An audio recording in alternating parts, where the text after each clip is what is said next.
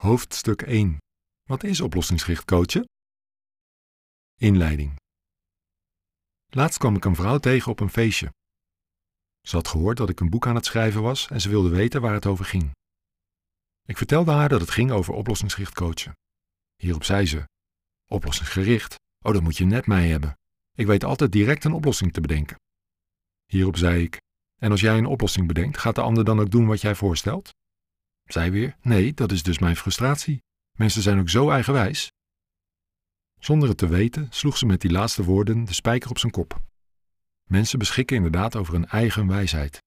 En juist die wijsheid proberen we aan te spreken met oplossingsgericht coachen. Misschien vraag je je af: wat is oplossingsgericht coachen eigenlijk? Wat is er vernieuwend of bijzonder aan deze coachmethode? En wie is er verantwoordelijk voor de oplossing? Op deze en vele andere vragen vind je in dit hoofdstuk een antwoord. Eén ding zal ik alvast verklappen. Oplossingsgericht coachen is in ieder geval niet het bedenken van oplossingen voor andermans problemen. Andere manier van kijken naar mensen.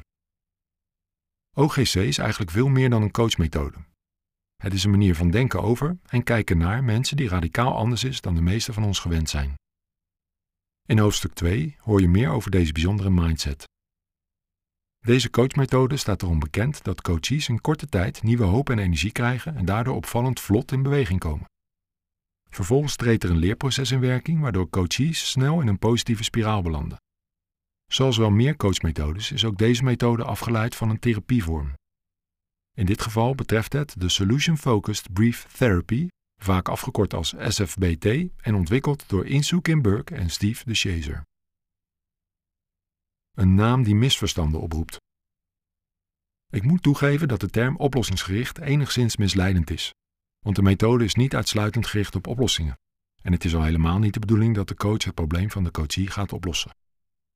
Toch hebben veel coachende professionals die neiging en hoewel ze voortkomt uit een positieve intentie, werkt ze helaas contraproductief. Als coach het probleem van je coachie oplossen roept ofwel weerstand op, als de coachie jouw oplossingen niet ziet zitten, ofwel maakt de coachie afhankelijk van jou als coach, wat ook niet wenselijk is. Een effectieve, integere coach maakt zichzelf juist zo snel mogelijk overbodig. Deze neiging tot oplossen voor de ander heeft zelfs een naam, de reparatiereflex. Meer hierover hoor je in deel 1 van deze serie. Werken vanuit kracht en progressie. Inmiddels zijn er ook andere namen in opkomst voor vergelijkbare benaderingen, zoals krachtwerk, progressiegericht coachen en simple therapy. In zekere zin dekt krachtgericht of progressiegericht beter de lading. Toch kies ik ervoor om trouw te blijven aan de grondleggers Insoo Kim Burke en Steve de Chaser. Ik blijf de naam oplossingsgericht hanteren. We zullen zo nader met hen kennis maken, maar ik verklap alvast dat ik het een grote eer vind om te mogen schrijven over hun wonderbaarlijke geesteskind. En ere wie ere toekomt is voor mij een leidraad. Hoe herken je een oplossingsgericht gesprek? Bij oplossingsgerichte gesprekken is er sprake van een sfeer van lichtheid en optimisme, effectieve samenwerking tussen coach en coachee, een sterke focus op doelen die belangrijk zijn voor de coachee, nieuwsgierigheid naar wat al werkt of wat zou kunnen werken, oog voor sterke kanten, competenties en getoonde inzet van de coachee, positief leren van het verleden en anticiperen op de toekomst, een zekere creativiteit en bereidheid tot experiment, oog voor belangrijke anderen in het leven van de coachee. Bij oplossingsgerichte gesprekken is er nimmer sprake van diagnoses stellen, het probleem analyseren, zoeken naar belemmerende patronen, zoeken in het verleden naar het ontstaan van een probleem en psychologische testen afnemen. Misschien herken je dingen uit het tweede rijtje die je geleerd hebt of die je toepast. Misschien kun je je zelfs nog geen serieuze coaching voorstellen zonder. Wees gerust. Zelf moest ik ook wennen aan dit idee. Inmiddels ben ik er volledig van overtuigd dat we prettig en effectief kunnen coachen zonder diagnoses, probleemanalyses en het zoeken naar belemmerende patronen. In de volgende paragraaf ontdek je waarom dit zo is. Oorzaak-gevolgdenken heeft zijn beperkingen. In onze maatschappij overheerst het oorzaak-gevolgdenken, ook wel lineaire causaliteit genoemd. We gaan er, vaak onbewust, vanuit dat als x gebeurt, er waarschijnlijk een oorzaak y te vinden is. Als we x niet fijn vinden en daaraan iets willen veranderen, moeten we dus y wegnemen. Klinkt logisch, toch? Bij technische problemen gaat dit inderdaad op. Als mijn fietsband lek is, x, moet ik eerst het stukje glas of de punaise vinden, ei, voordat ik de binnenband ga plakken. Een mens is echter geen apparaat dat we kunnen repareren als het stuk is. Daarvoor zijn we nu eenmaal te complexe wezens. Ten eerste is daar onze denkwereld. We kunnen denken in mogelijkheden, maar ook in doemscenario's. Daar komen dan nog onze emoties bij, die ons weliswaar helpen om te overleven, maar die we soms liever vermijden. Veel mensen willen bepaalde emoties zoals boosheid, frustratie, verdriet, machteloosheid en angst liever niet ervaren. Ze nemen dan bijvoorbeeld hun toevlucht tot conflictvermijding of zelfverdoving, wat de problemen erger maakt. Bovendien hebben we vaak oordelen en aannames over ons eigen doen en laten of dat van de ander. Alsof de eigen binnenwereld nog niet ingewikkeld genoeg is, interacteren mensen ook nog eens met anderen. Die piekeren net zo goed, ervaren ook lastige emoties en handelen en communiceren niet altijd even effectief. Denk nu eens aan een gezin, klas of team waarin problemen spelen. Je kunt je voorstellen dat hier sprake is van een aardig complexe kluwen van oorzaken en gevolgen. Als je met zo'n groep mensen op zoek zou gaan naar de oorzaak van een problematische situatie, dan kan dit gemakkelijk overkomen als een zoektocht naar de schuldige. Dat is uiteraard het laatste dat je wilt. Het is bedreigend voor de groep en bovendien is in een groep meestal iedereen mede verantwoordelijk. Wat we hier wel zoeken is een manier om hoop en optimisme aan te wakkeren en ervoor te zorgen dat zoveel mogelijk groepsleden zich verantwoordelijk beginnen te voelen voor verbetering van de situatie, zodat ze bereid zijn met kleine stapjes aan vooruitgang te werken.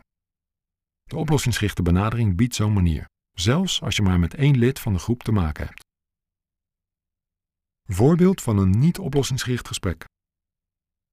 Coachie. Ik ben mijn huidige baan een beetje zat en ik overweeg al een tijdje om een eigen coachpraktijk op te zetten, maar ik kom niet in beweging. Coach. Wat houd je tegen? Coachie. Ja, ik weet niet. Ik weet wel wat ik heb, maar niet wat ik krijg. Het voelt als een sprong in het diepe. Dus daarom blijf ik maar zitten waar ik zit. Coach. Je houdt dus vast aan de zekerheid van een vaste baan. Coachie? Ja, klopt. Coach? Waarom is die zekerheid zo belangrijk voor je? Coachie? Ja, dat heb ik van thuis meegekregen. Bij twijfel niet inhalen was bij ons het mantra. Coach? Oké, ja, nu snap ik waarom je niet voor jezelf begint. Je hebt nooit geleerd om met onzekerheid om te gaan. Coachie? Ja, misschien is dat het. Misschien ben ik ook wel helemaal niet geschikt voor het zelfstandig ondernemerschap. Coach? Dat weet ik niet, maar het klopt wel dat maar weinig zelfstandige coaches het redden. Coachie? Hmm, ik merk wel dat ik wat gedeprimeerd raak nu. Einde voorbeeld. Wat je hier ziet gebeuren is dat de coach concludeert dat de coachie nooit heeft geleerd om met onzekerheid om te gaan. Het is de vraag of dit waar is en het zal waarschijnlijk niet helpen bij het onderzoeken of zelfstandig ondernemerschap iets is voor deze coachie. Voor dat onderzoek is namelijk voldoende zelfvertrouwen nodig om in beweging te komen. En dat zelfvertrouwen neemt nu eerder af dan toe. Daar komt bij dat coaches die niet in beweging komen nog wel eens verstrikt zitten in paralysis analysis. Dit is geen officiële diagnose, maar een pakkende naam voor verlamming door je suf te piekeren. De tragiek is nu dat deze verlamming vaak alleen maar toeneemt door in het verleden te graven en patronen te zoeken. Gelukkig kan het ook heel anders, zoals blijkt uit het tweede gesprek. Voorbeeld van een oplossingsgericht gesprek. In een oplossingsgericht gesprek ligt de focus meer op de toekomst dan op het verleden en meer op mogelijkheden dan op belemmeringen. Een gesprek met dezelfde coachie zou dan als volgt kunnen verlopen. Coachie, ik ben mijn huidige baan een beetje zat en ik overweeg al een tijdje om een eigen coachpraktijk op te zetten, maar ik kom niet in beweging. Coach. Oké, dat lijkt me frustrerend. En vertel eens, wat hoop je dat dit gesprek je oplevert? Coachie. Dat ik weer weet waar ik mijn energie op kan richten. Nu blijf ik maar piekeren. Coach. Ik snap dat je niet wil blijven hangen in gepieker. Wat zou je daarvoor in de plaats willen? Coachie. Ja, dat het weer stroomt. Nu sta ik stil in mijn ontwikkeling. Coach dat het weer stroomt. Wanneer had je dat gevoel voor het laatst? Coachie? In mijn huidige baan mag ik af en toe een collega coachen en het geeft me heel veel voldoening als ik die ander in zijn kracht zie komen. Alleen vind ik het dan zo stom als ik dat zelf niet voor elkaar krijg. Coach? Oké, dus als je collega's coacht, dan stroomt het en geeft dat veel voldoening. Hoe zou je erachter kunnen komen of een eigen coachpraktijk bij je past zonder dat je meteen je baan opzegt? Coachie? Ja, ik zou natuurlijk kunnen beginnen met iemand buiten werktijd coachen. Iemand uit mijn eigen netwerk of zo. Coach, wat een goed idee. Hoe zou je zo iemand kunnen vinden? Hier zie je dat de coach zich telkens weer richt op de wensen en mogelijkheden van de coachie. Hij had ook kunnen ingaan op belemmerende uitspraken van de coachie, zoals nu sta ik stil in mijn ontwikkeling en alleen vind ik het dan zo stom als ik. Hij koos er echter bewust voor om het verlangen van de coachie te volgen. Hopelijk voel je aan dat de kans groot is dat de coachie nu in beweging komt en ervaringen op gaat doen. Door hier alleen of samen met de coach op te reflecteren, wordt het veel makkelijker om besluiten te nemen die het doel dichterbij brengen. Bijvoorbeeld een dag minder werken in loondienst en een start maken met het opzetten van een eigen praktijk. We zien dus dat een oplossingsgericht werkende coach er bewust voor kiest om niet het probleem te analyseren, maar in samenwerking met de coachie simpelweg de wensen en mogelijkheden te verkennen en kleine stappen te stimuleren. Dit bespaart niet alleen veel kostbare tijd, we voorkomen hiermee ook de eerder genoemde paralysis analysis. Later zullen we zien dat er ook ondersteuning is vanuit de breinwetenschap om deze bewuste keuze te maken. Het ontstaan van de oplossingsgerichte benadering. Om deze bijzondere methode verder te leren kennen, neem ik je mee naar de ontstaansgeschiedenis ervan. De grondleggers, Insoo Kim Burke en Steve DeShazer, waren twee bevlogen gezinstherapeuten die geïnspireerd waren door de visie en werkwijze van onder andere Milton Erickson en Gregory Bateson. Erickson. Kleine stapjes, grote veranderingen. Erickson was een Amerikaanse psychiater en hypnotherapeut die sterk geloofde in de eigen kracht van mensen om hun problemen op te lossen. In tegenstelling tot Freud was hij ervan overtuigd dat therapie niet lang hoefde te duren. Hij ging ervan uit dat als cliënten kleine stapjes zouden zetten, dit in veel gevallen al kon leiden tot grote veranderingen. Opvallend was verder dat hij gebruik maakte van alles wat maar bruikbaar was. Iedere toevallige eigenschap of gebeurtenis in het leven van de coachie kon voor Erickson een weg naar een oplossing vormen. Als hypnotherapeut was hij een meester in het geven van subtiele, indirecte suggesties, waardoor cliënten opnieuw in contact kwamen met de hulpbronnen die opgeslagen lagen in hun onbewuste. Elementen van zijn unieke benadering zie je nog steeds terug in de oplossingsgerichte aanpak. In hoofdstuk 6 hoor je meer over Milton Erickson. Bateson. De rol van communicatie bij zelfontplooiing. Gregory Bateson was een cultureel antropoloog met een sterke interesse in de geestelijke gezondheid, de zelfontplooiing van de mens en de rol die communicatie hierbij speelt. Ook heeft hij zijn bijdrage aan de oplossingsgerichte methode geleverd door samen met twee anderen de Bateson Project te starten. Bij dit project analyseerden onderzoekers gedetailleerd de videoopnames van beroemde therapeuten onder wie Milton Erickson. Het vormde de basis voor het latere Mental Research Institute, MRI, en heeft er mede voor gezorgd dat het werk van Milton Erickson een brede bekendheid en een grote invloed heeft gekregen. De cliënt als compleet mens. In die tijd stelden therapeuten zich op als echte autoriteiten die bepaalden waar de therapie over moest gaan. Cliënten hadden daar weinig over te zeggen. De MRI-therapeuten pakten het radicaal anders aan. Ze zagen de cliënt niet als een patiënt, maar als een compleet mens met wensen en mogelijkheden. En ze namen de verlangens, de mening en de mogelijke oplossingen van de cliënt zeer serieus. Ook achten zij het niet nodig om lang over de jeugd en diepliggende oorzaken te praten. Hun redenering was: als de coachie nu een probleem heeft, dan doet hij nu blijkbaar iets wat niet werkt. De therapie had als doel opsporen wat voor de cliënt niet werkt, daarmee stoppen en er iets anders voor in de plaats doen. Een van de MRI-therapeuten stelde tijdens een congres Insoo Kim Burke en Steve DeShazer aan elkaar voor. Uit deze ontmoeting kwam niet alleen een liefdevol huwelijk voort, maar tevens een geesteskind dat later de wereld zou veroveren en een positief verschil zou maken in de levens van miljoenen mensen.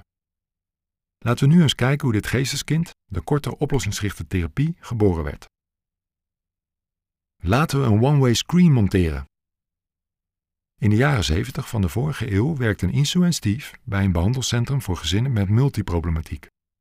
Ze waren nog steeds zeer geïnspireerd door het werk van Bateson en Erickson, maar helaas was er weinig ruimte en acceptatie voor hun innovatieve ideeën.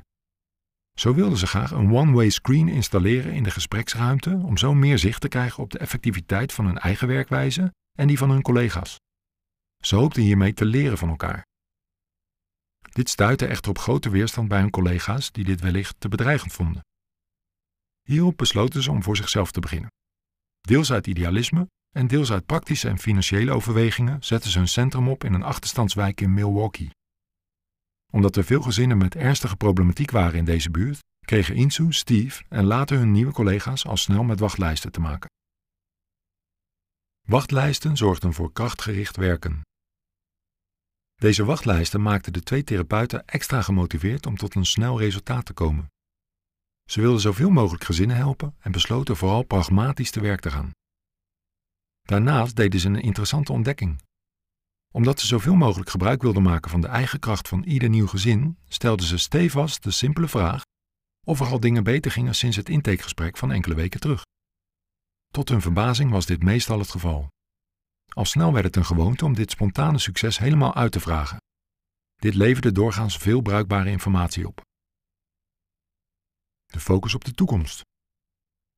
Insu en Steve merkten ook dat het weinig productief was om met gezinnen al te lang te praten over het probleem en de oorzaken ervan. Gezinsleden werden het over de oorzaken vaak niet eens en gaven bovendien elkaar de schuld. Over wat ze wensten voor de toekomst werden ze het echter veel sneller en gemakkelijker eens. Dit gezamenlijke toekomstbeeld vormde een prima uitgangspositie om met elkaar te zoeken naar oplossingen en kleine stappen in de gewenste richting. Het wonderlijke was dat die oplossingen soms niets met het probleem te maken leken te hebben, maar dat het gezin desondanks grote vorderingen maakte. De kracht leek dan ook te zitten in iets anders doen, waardoor vanzelf alles ging verschuiven binnen het gezinssysteem. Ook viel hun op hoe meer coaches vertelden over door hen zelf ontdekte oplossingen, mogelijkheden en succesjes, hoe optimistischer en krachtiger ze werden. Dit was zelfs het geval in situaties die aanvankelijk uitzichtloos leken. Doen wat werkt. Ze ontdekten dat analyseren en diagnosticeren konden worden weggelaten uit het therapiegesprek zonder dat de resultaten daaronder leden. Daarnaast maakten ze studie van spontane gebeurtenissen in gesprekken. Wanneer de therapeut iets deed wat leek te werken, probeerden ze het daarna nog eens. Ze zochten voortdurend naar interventies die coaches hielpen om hun doelen helderder te formuleren, meer vertrouwen in hun mogelijkheden te krijgen en stappen vooruit te ontdekken. Aldoende ontdekten ze ook dat wat goed werkte bij de ene persoon niet altijd goed werkte bij de andere. Het bleek belangrijk te zijn om veel aandacht te besteden aan hoe individuele coaches reageerden op wat er gebeurde tijdens de gesprekken en hoe ze dit konden benutten. Stap voor stap bouwden ze op deze manier een verzameling van oplossingsgerichte interventies op. Alles wat hielp om hun cliënten meer kracht en invloed te geven, werd op een pragmatische en toch integere manier ingezet. Wat begon als een huiskamerpraktijk, groeide uit tot het beroemde Brief Family Therapy Center, BFTC, te Milwaukee, waar Insu en Steve tussen 1978 en 1985 de basis legden voor de korte oplossingsgerichte therapie. Inmiddels heeft dit model de wereld veroverd en is het ook doorgedrongen tot onderwijs, zorg, hulpverlening, management, organisatieadvies en de training- en coachingwereld. Uitnodiging om het verschil zelf te ervaren. Voordat je verder luistert over deze bijzondere methode, lijkt het me een goed idee dat je er zelf iets van ervaart. Ben je in voor een kort experimentje? Het houdt in dat ik je vraag om aan een persoonlijk probleem te denken en dan twee keer drie vragen stel. De eerste drie vragen zijn niet oplossingsgericht, de tweede drie vragen wel. Je kunt voor dit experiment het beste denken aan problemen waar je enige invloed op kunt uitoefenen en waar andere mensen bij betrokken zijn, zoals collega's, familieleden, partners, kinderen, vrienden, klanten of buren. Heb je iets gevonden om mee te werken? Oké. Let goed op hoe je je voelt bij beide soorten vragen en schrijf eventueel bij elke vraag in steekwoorden je ervaringen op. Vraag 1. Waarom heb jij dit probleem? Vraag 2. Welke vaardigheden, eigenschappen of competenties mis jij waardoor jij dit probleem hebt? Vraag 3. Wat houdt je tegen om het probleem op te lossen? Heb je erover nagedacht? Well done. Voor je verder gaat wil ik je vragen om een cijfer te geven op een schaal van 0 tot 10 als antwoord op de vraag: hoeveel vertrouwen heb je er nu in dat je vooruitgang kunt boeken bij het oplossen van dit probleem? 0 staat voor geen enkel vertrouwen, 10 voor voldoende vertrouwen. Haal nu een paar keer diep adem en rek je even uit ter ontspanning. Dan gaan we door naar de tweede serie vragen. Vraag 1. Wat zou je graag in de plaats willen van dit probleem? Gebruik je fantasie en zie de gewenste situatie zo levendig mogelijk voor je. Welke vaardigheden, eigenschappen, ervaringen en manieren van denken bezit jij al die je verder kunnen helpen in de gewenste richting? Vraag 3. Wat kan nu een kleine, gemakkelijke stap zijn in de gewenste richting? En nu stel ik je dezelfde schaalvraag. Op een schaal van 0 tot 10, hoeveel vertrouwen heb je er nu in dat je vooruitgang kunt boeken bij het oplossen van dit probleem? En? Welke verschillen heb je ervaren tussen de eerste en de tweede serie vragen? Wat deden de twee soorten vragen met je stemming? Welke beelden zag je? Hoe was je innerlijke zelfspraak?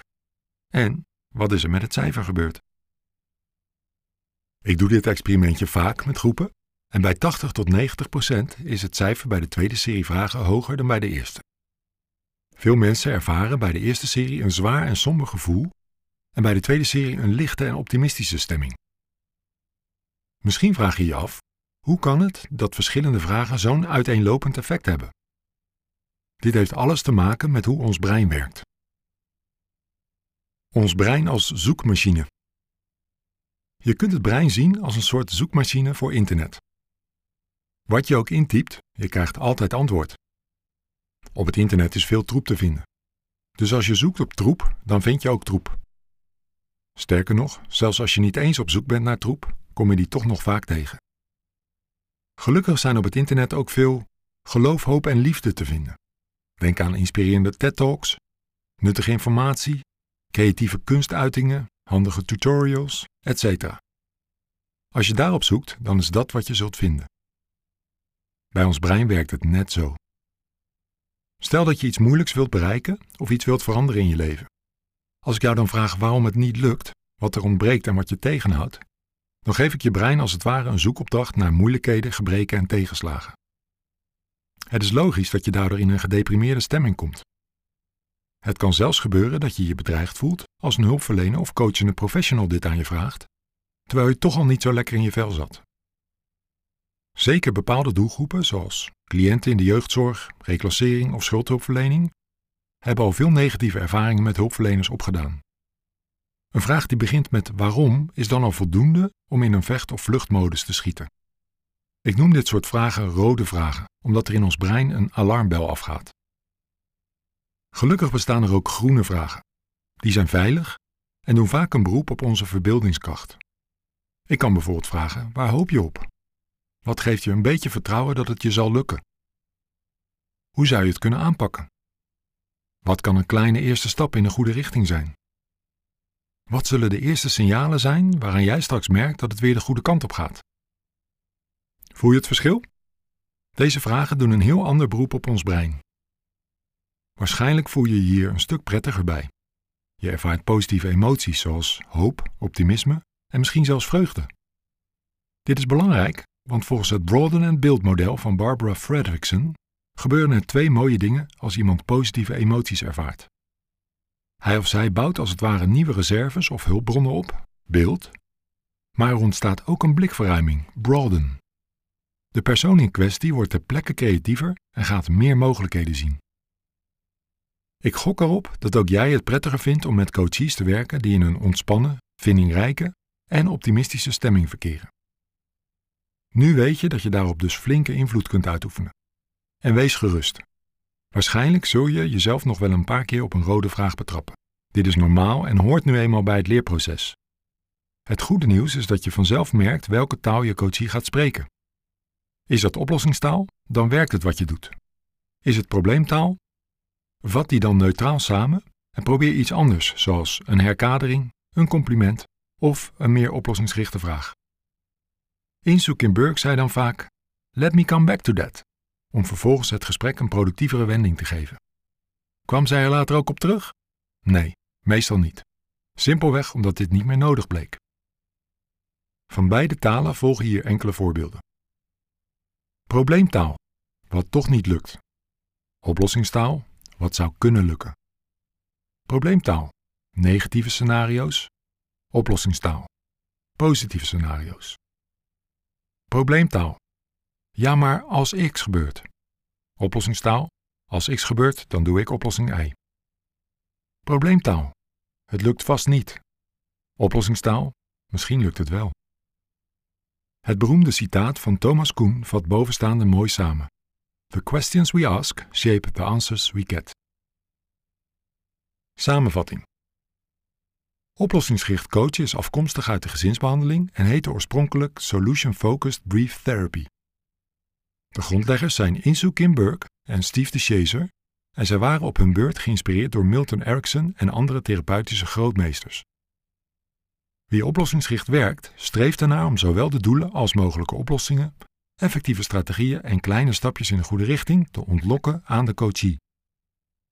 Er wordt bewust voor gekozen om niet het probleem te analyseren, niet te diagnosticeren en niet te graven in het verleden. Onderzoek laat zien dat de methode ongeveer even effectief is als andere therapievormen, maar dat ze vaak sneller werkt, redelijk snel te leren is en zeer breed inzetbaar is. Einde samenvatting. Quote We cannot solve our problems with the same thinking we used when we created them. Albert Einstein. Einde quote.